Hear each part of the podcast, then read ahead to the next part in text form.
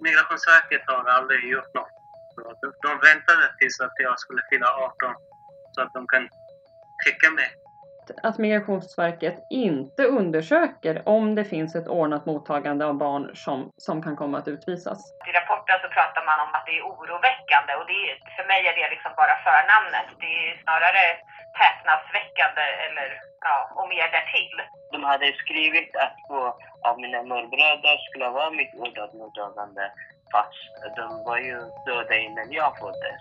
Det har jag sagt till dem. Hej och varmt välkomna till en alldeles rykande färsk podd från Barnombudet i Uppsala län. Jag heter Sofie Julin. Och jag heter Lisa Sköld.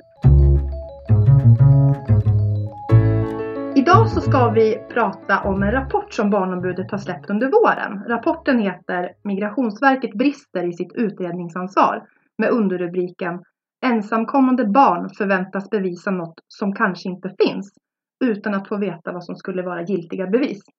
Lisa Sköld, du är ju verksamhetschef på Barnombudet. Varför har Barnombudet gjort den här rapporten? Ja, vi blev kontaktade av ett antal personer som var oroliga och tyckte att deras ärenden hos Migrationsverket inte hade hanterats på ett rätt sätt. Eh, och så fick vi liknande signaler från en professor i juridik och en advokat inom migrationsrätt. Och då hade vi ett gäng juristvolontärer på plats som satte igång och undersöka det här. Okej, intressant. Men vad är det som har undersökts? Ja, vi har tittat på tre stycken slumpvis utvalda ärenden om uppehållstillstånd för ensamkommande barn. Och sen är det också sex återvändarsamtal som alltså har hållits i samband med att uppehållstillståndet har nekats och att man är på väg att verkställa utvisning av barnet. Vad kom vi fram till? Ja, det vi visar som, som också rubriken egentligen säger då, det är att, att Migrationsverket inte undersöker om det finns ett ordnat mottagande av barn som, som kan komma att utvisas.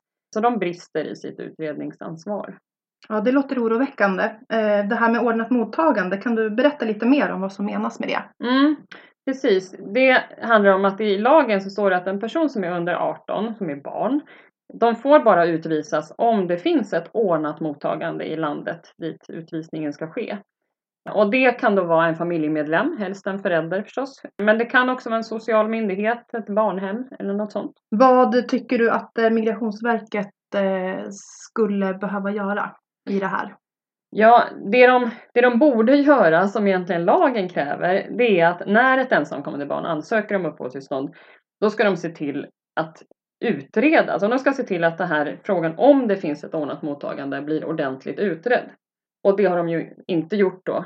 Istället har de liksom utgått ifrån att det finns någon som kan ta hand om barnet om inte barnet kan bevisa något annat. Barnet hamnar i ett läge där de ska försöka bevisa något som kanske inte finns, det vill säga det kanske inte faktiskt finns någon där som kan ta hand om dem. Eh, men de får inte veta hur de ska göra det här eller vad som kan räknas som bevis. Och sen är det liksom nästa steg, det vill säga om man kommer fram till då att man utgått ifrån att det ska finnas ett ordnat mottagande och sen har barnet fått ett utvisningsbeslut. Då ska man ha ett återvändandesamtal och då ska de ju en gång till kolla, för det kan ju ha gått en period där. Eh, så då ska man ju säkerställa igen att det här ordnade mottagandet verkligen finns. Men det gör man inte heller, utan då hänvisar man tillbaka till den där icke befintliga utredningen som gjordes i början. Och ja, struntar i att utreda det en gång till egentligen kan man säga. Ja, det låter helt fruktansvärt det här för de här barnen och jag ser ju direkt vad konsekvenserna av det här kan bli. Men vad, vad, vad tycker du? Eh, vad, vad har du sett i, i, i det här? Ja, alltså den, den största risken som ju också händer är att barn utvisas trots att de har rätt till uppehållstillstånd i Sverige och att de utvisas till ett land där ingen tar hand om dem. Så att vi, vi bryter ju mot själva grunden i asylrätten och den, den lagstiftning som finns. De kollar alltså inte det här innan de utvisar. Nej, de gör inte det. Men har det blivit bättre då sedan utredningen påbörjades? Nej, det här är ju det sorgligaste nästan i den här berättelsen. Att, att det var ju ett par år sedan nu som vi påbörjade den här utredningen och vi har verkligen velat liksom dubbelkolla den och trippelkolla. Men det som har hänt efter att vi satte igång det här, det är att praxis har blivit ännu värre. För det här handlar ju om att, att de riktlinjer som Migrationsverket själva har satt upp är liksom inte i linje med lagen egentligen. De har gått mycket längre, de är mycket mer kritiska, de är mycket, ja, försvårar för barnen att få sina rättigheter. Och nu har man liksom försämrat ännu mer utifrån ett barnets bästa perspektiv och ger mycket mer tidsbegränsade uppehållstillstånd för yngre barn för att man inte kan utvisa dem just då. Men man har inte gett dem riktiga uppehållstillstånd tills vidare trots att det inte finns ordnade mottaganden. Det här är anledningen till att vi gör det här poddavsnittet och vi har pratat med några personer som har berörts direkt av det här och även med advokat Emily Hillert som är väldigt insatt i frågorna. Processadvokatbyrå Emily Hillert. Ja, hejsan, det var Lisa Sköld här på Barnombudet i Uppsala län. Eh, vill du berätta lite om din bakgrund i migrationsrättssammanhang bara först? Ja, nej men jag gick på juristlinjen på Stockholms universitet Eh, parallellt med det så jobbade jag extra på en advokatbyrå med lite olika uppgifter, bland annat migrationsrättsuppgifter. Och sen 2009 så tog jag min examen och sen dess har jag jobbat heltid på advokatbyrå och väldigt mycket med migrationsrätt av alla olika slag så att säga. Nu senast så eh, skrev jag en bok som heter just Verkställighetshinder, en praktisk handbok tillsammans med Victoria Nyström. Och den boken handlar ju just om att försöka nå ut med information kring verkställighetshinder till eh, inte bara jurister utan även liksom sökande och alla i deras omgivning så att alla ska förstå hur man ska gå tillväga just eh, när det handlar om verkställighetshinder. Mm. Så jag har, jag har jobbat väldigt mycket med, med migrationsrätt de senaste ja, drygt tio åren. Då. Och det här att, att inte ha ordnat mottagande som, som vår rapport handlar om, eh, det är ju en av möjliga verkställighetshinder, visst är det så? Alltså, så som lagen är uppbyggd så står det ju där att om det inte finns ett ordnat mottagande för ett ensamkommande flyktingbarn så ska personen få uppehållstillstånd. Det som har blivit problematiskt här det är att Migrationsverket under de senaste åren, ja mer eller mindre på eget bevåg, har liksom förskjutit både bevisbördan och också beviskraven, det vill säga vad som krävs för att uppfylla sin bevisbörda. Mm.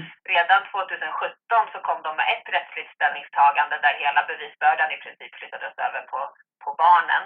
Och sen nu senast förra året eh, så kom de med ett nytt rättsligt ställningstagande mm. där man i princip har delat upp barn i olika åldrar, i olika grupper och kommit på ett system i att hitta liksom temporära lösningar för alla barn som närmar sig 14 år och är över 14 år så att de ska ha temporära lösningar fram tills de fyller 18 och då ska de utvisas.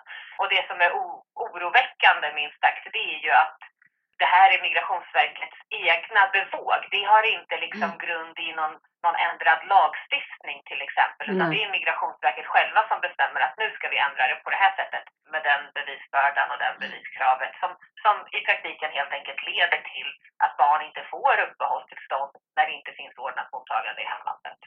Du har ju läst eh, rapporten som Barnombudet har gjort här också. Vad vill du kommentera? Det var ju mer eller mindre det du kommenterade nu, men är det någonting annat du vill säga om, om den? Nej, men jag, jag tycker att det är en jättebra rapport. Eh, på sätt och vis, för mig så bekräftar den ju det som jag och de som vi som, vi som jobbar med sånt här, den bekräftar ju det vi redan vet. Så den innehåller ju egentligen ingenting nytt. Mm. Men det är alltid skönt när det kommer någon utifrån som går in och sätter sig in i samma fråga och får samma bild. Då är det inte bara jag som upplever det så här, utan då är det ju Eh, flera med mig så att säga. Sen kan jag väl tycka att, att i rapporten så pratar man om att det är oroväckande och det är, för mig är det liksom bara förnamnet. Det är snarare häpnadsväckande eller ja, och mer därtill. Jag tänker också att i rapporten så pratar man om att, att det här behöver utredas mer och det, det, tycker, jag, det tycker jag verkligen att det behövs. Jag tycker å andra sidan att det som, det som man kommer fram till i rapporten, det är ju tillräckligt för att kunna konstatera att det är så här. Men det är klart att vi som jobbar med det här också vill se liksom en, en officiell närmare granskning av Migrationsverkets agerande i den här frågan. Politikerna skulle ju kunna tillsätta en utredning, precis som man i nuläget håller på att utreda liksom, medicinska åldersbedömningar, eller i alla fall påstår sig utreda dem, så skulle man naturligtvis kunna eh, utreda huruvida Migrationsverket följer lagen när det handlar om avsaknad av vårdat mottagande för ensamkommande flyktingbarn. Det som är problematiskt är ju att efter att det finns ett beslut om utvisning som har vunnit laga kraft i ett ärende där ett ensamkommande flyktingbarn säger att det finns inget ordnat mottagande i hemlandet så går det inte att överklaga till Migrationsdomstolen. Och i och med det här så kan Migrationsverket mer eller mindre härja fritt. Mm. Därför att migrationsdomstolarna och migrationsöverdomstolen kommer aldrig få del av den här rättshärvan. På så sätt så blir barnet väldigt utlämnat. Barn, Mm. alltså ensamkommande flyktingbarn är ju väldigt utsatta. Det ligger i sakens natur att de, de inte har liksom det, den trygghet och det vuxna nätverk som behövs. Och när man inte heller har möjlighet att överklaga så blir man ännu mer utlämnad till Migrationsverkets eh, Mm. egna bedömningar. För du var ju inne på att det, något av det som är absurt i det här som sagt är att det inte är politiska beslut och, och eh, lagstiftning som har lett fram till det här utan att det är en hantering av ett statligt verk. Men att man inte ens kan överklaga då i den här sista instansen, är det någonting som skulle kunna gå att justera juridiskt och lagstiftningsmässigt? Absolut, alltså det är ju en direkt lagstiftningsåtgärd. Eh, när det handlar om avsaknad av vårdnadsmottagande så faller det under den 18 paragrafen i 12 kapitlet och eh, beslut enligt den paragrafen kan inte överklagas. Eh, det, naturligtvis skulle man kunna lagstifta så att det gick att överklaga de besluten. Mm. Alltså det finns ju väldigt tydligt syfte med lagen. Det är att barn som är ensamkommande och inte har ordnat mottagande, de ska få uppehållstillstånd. I nuläget har vi hamnat i en situation där de här barnen först och främst inte lyckats bevisa. För de har fått hela bevisbördan, de har fått höga beviskrav. Myndigheten gör ingenting för att själva företa någon slags utredning kring ordnat mottagande. Mm. Och i de fall de väl lyckas bevisa att det inte finns ett ordnat mottagande, då får de ändå bara ett temporär lösning Mm. antingen ett uppehållstillstånd som är tidsbegränsat eller ett utvisningsbeslut med uppskjuten verkställighet eller kortfristig inhibition. Och så ska de ändå utvisas när de blir 18 år. Det var inte lagstiftarens avsikt. Migrationsverket som har gett lagen det innehållet så att säga. Mm. Era rapport öppnar ju också upp för att det skulle kunna vara så att ni inte riktigt har landat rätt. Ja, Mm. men det finns, ju, det finns ju otaliga exempel som kommer stödja precis samma, Mm. eh, samma resultat som ni redan har kommit till i rapporten. Tusen tack för din medverkan Emelie och för det arbete du kämpar på med också.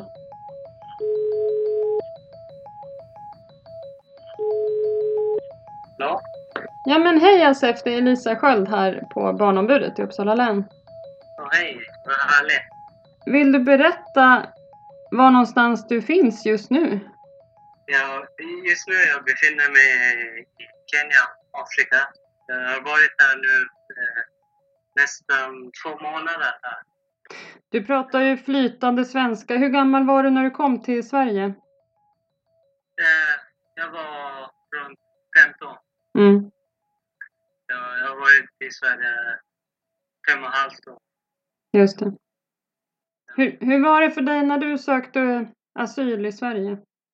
Ja, kortfattat kan vi säga liksom, det var en jättelång och krånglig kompl- komplicerad eh, process. Första gången jag sökte asyl så, hade, så skulle jag få tillfälligt uppehållstillstånd.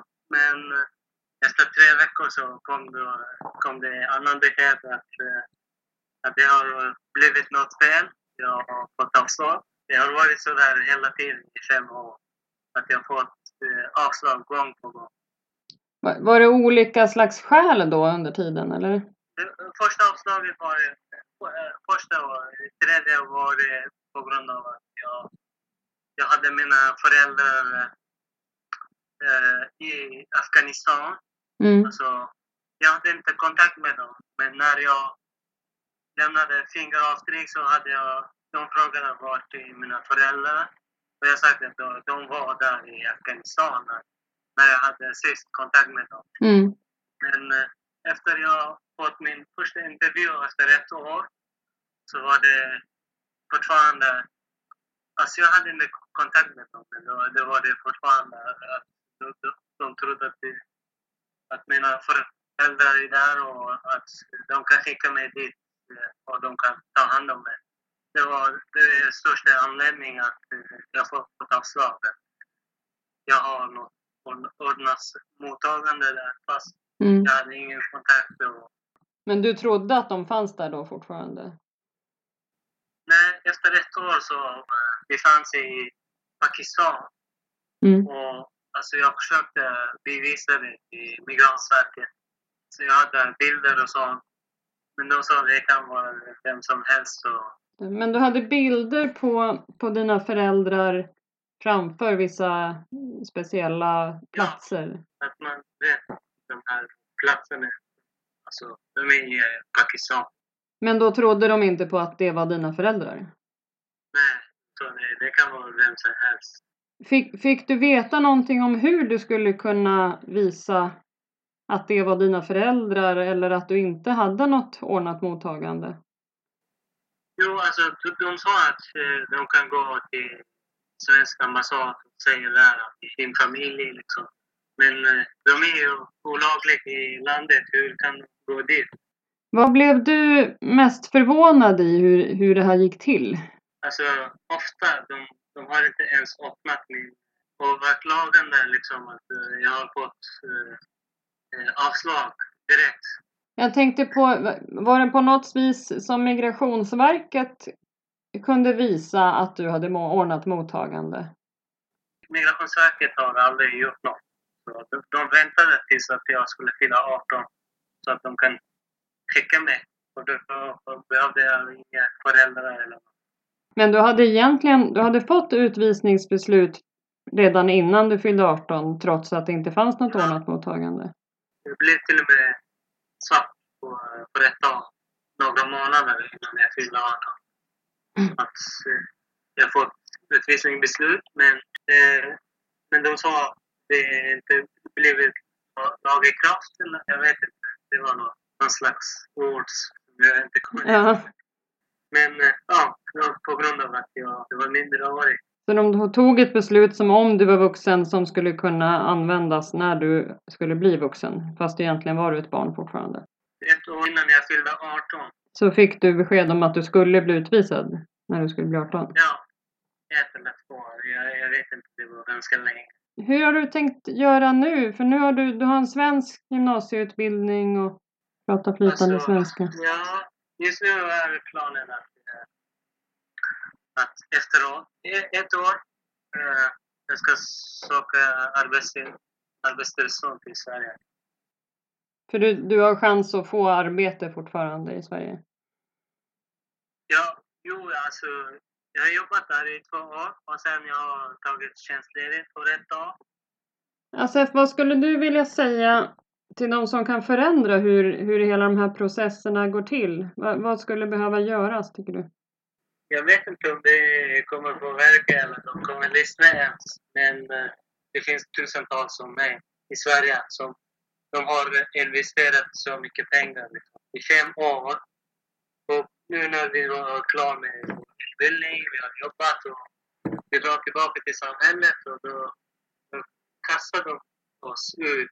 Alltså det är bara dåligt för dem och för oss. Alltså de förstör våra liv.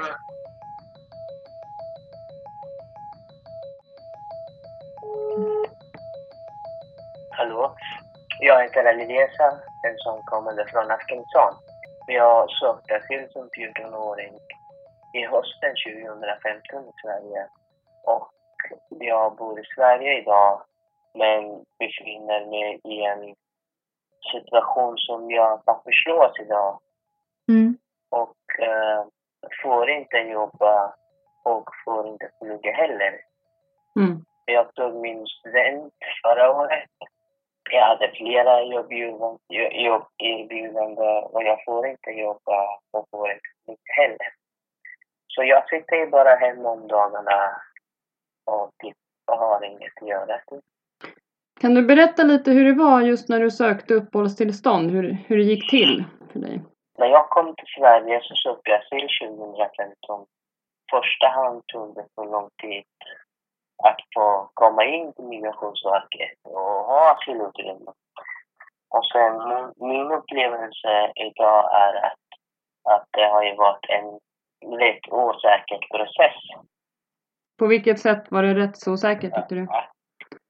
Det var ju osäkert på grund av eh, min handläggare till exempel var inte till- tillräckligt erfaren och så. Tolken var inte bra heller. Och ja, de här gjorde ju till att det var en osäker process. Jag fick avslag på grund av Migrationsverkets motivering var att jag har vårdnadsmottagare i mitt hemland. Och min god man sa ju det och jag, jag ställde frågan till dem och sa det. Vem är det ordnat mottagande i Afghanistan? Och det sa de aldrig. Mm. Eh, att vad som skulle krävdes att jag skulle visa att jag saknar ord att mottaga i. Och de sa aldrig att att vad som skulle vara bevis att eh, det finns ingen ord att mottaga i. Men de menade att det fanns det, men de kunde inte heller berätta vad det skulle vara alltså. Nej, Mm. de bara hade skrivit att det fanns där och sa, och sa aldrig att vad, vem, eller jo, de hade skrivit att två av mina morbröder skulle vara mitt mottagande fast de var ju döda innan jag föddes. Och det Mm. har jag sagt till dem.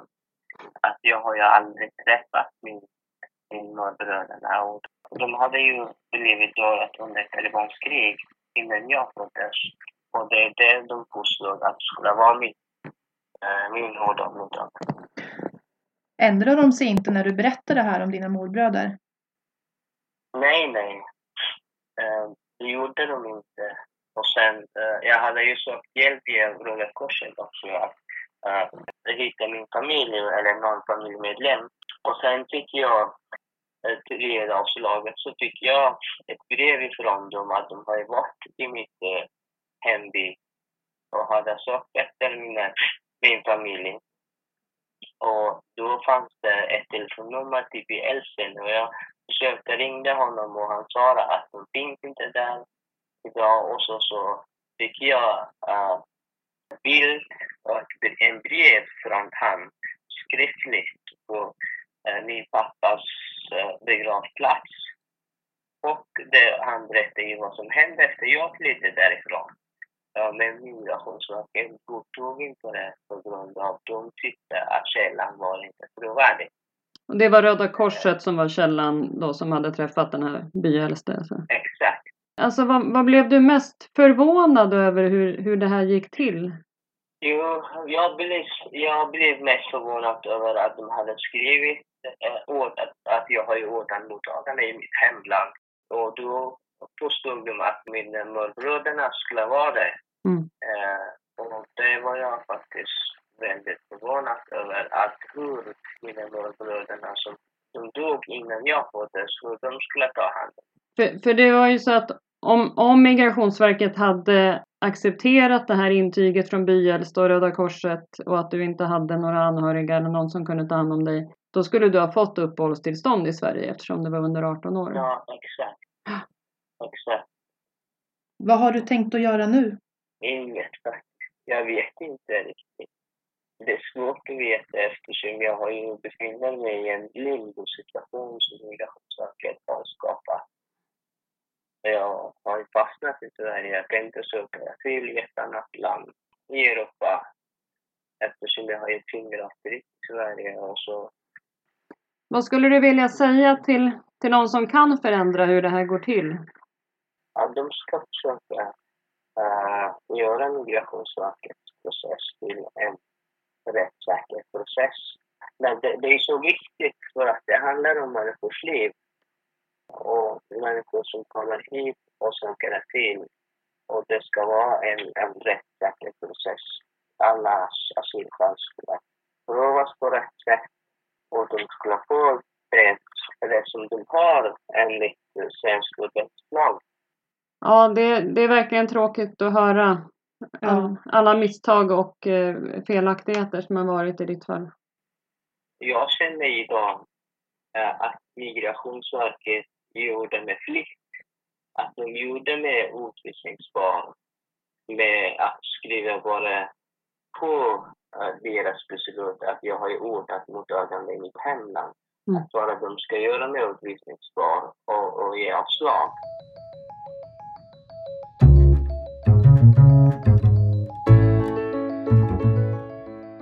Sofie, nu har vi lyssnat både på Emily, Asef och Alireza. Eh, vad har du för tankar efter det här? Tufft att ta in allt det här. Jag känner mig bedrövad. Mm. Faktiskt. Mm. Eh, vad känner du? Ja, det, och, och så har det ju varit lite grann hela tiden när vi jobbade med, med den här rapporten också. Och, och det var egentligen också när våra juristvolontärer som, som då liksom läser juridik och, och får säga, lite naivt kanske vill tro att världen ska se ut så som det står i lagboken. Eh, de blev väldigt chockade när de började titta på de här Ja. ärendena. Eh, och jag har nog känt så också längs hela vägen att det, det är svårt att acceptera att, att vi har ett statligt verk som, som beter sig så här illa. Precis. Men om vi går nu då till avsnittets eh, diss kan jag börja Ja. med. Jag tänker att det handlar om att det är ju det som vi sa i början, att det är barn som skulle haft rätt till uppehållstillstånd enligt våra lagar. Eh, men som istället har utvisats till ett land som dessutom är ett land med väldigt mycket osäkerhet och våld. Jag håller med. Jag håller med. Och sen att man dessutom den här praxis som, som vi har beskrivit här har blivit ännu värre sen vi skrev rapporten Ja. eh, i relation till barnets bästa och, och barnets rättigheter. Ja. Men då tar vi hissen nu då. Vad, vad är det bästa? Vad är hissen med det här avsnittet? Ja. Det finns ju väldigt många människor som är engagerade i den här frågan och det glädjer ju oss. Verkligen. Ja. Mm. Ja, det är alla möjliga verkligen. Det är ju dels olika yrkespersoner som har mött de här ungdomarna. Det är lärare och socialsekreterare och familjehem och jurister och advokater och journalister. Och sen har vi liksom byggts upp också ett civilsamhälle Ja. kring de här frågorna. Jag tänker många som har öppnat sina hem, blivit nya familjer för de här barnen. Ja, Och skapat någon slags trygghet i det här kaoset för alla Mm. de här ensamkommande barnen. mm, mm, Eh, lagt sin tid, sina pengar Mm. och drivit det här ja. genuint. Precis, nej för de har ju då ibland, eftersom man inte har rätt juridiskt ombud i det här verkställighetsstadiet Nej. så har ju de behövt betala själva för advokater för att kunna få hjälp Ja. med juridiken där. Ja. Ja, nu då? Vad, vad behöver hända nu? Migrationsrätten och barnkonventionen behöver ju förenas. Helt klart. Kort och gott. Ja. Precis, och, och utifrån det vi har pratat om i det här avsnittet så är det till exempel då att få ordning på de här bedömningarna att, eh, att det verkligen ska finnas ett ordnat mottagande för ensamkommande barn när, de, när man vill utvisa dem. ja.